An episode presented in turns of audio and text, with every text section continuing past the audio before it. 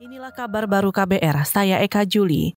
Lembaga masyarakat yang mengawasi korupsi, Indonesia Corruption Watch atau ICW, meminta kepolisian untuk menyelidiki kasus buku merah dan kasus penyiraman air keras kepada penyidik KPK Novel Baswedan yang diduga berkaitan satu dengan yang lainnya.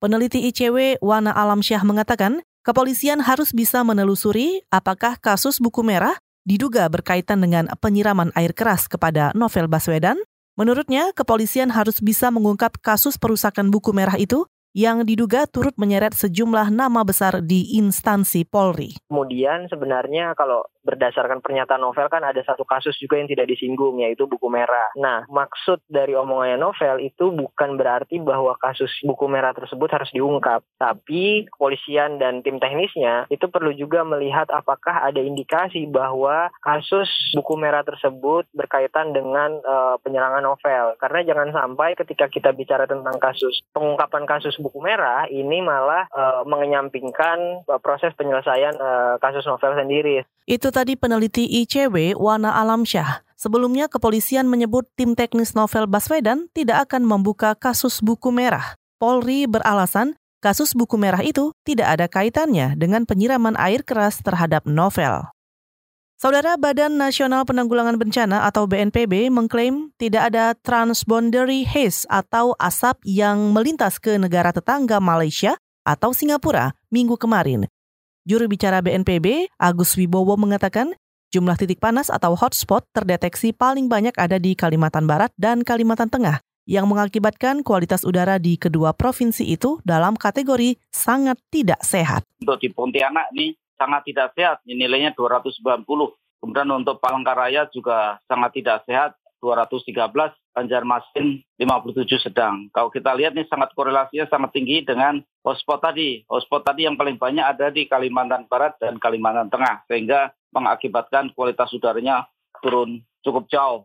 Juru bicara BNPB Agus Wibowo menambahkan asap dari kebakaran hutan dan lahan di Palangkaraya, Kalimantan Tengah juga sempat membuat jarak pandang di ibu kota Kalimantan Tengah itu mencapai hanya 700 meter dan berpotensi mengganggu penerbangan.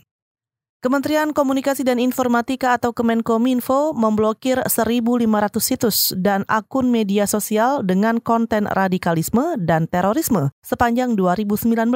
Juru bicara Kemenkominfo Ferdinand Setu mengatakan, dalam 10 tahun terakhir, Kemenkominfo telah memblokir 11.800 situs dan akun media sosial berisi radikalisme dan terorisme.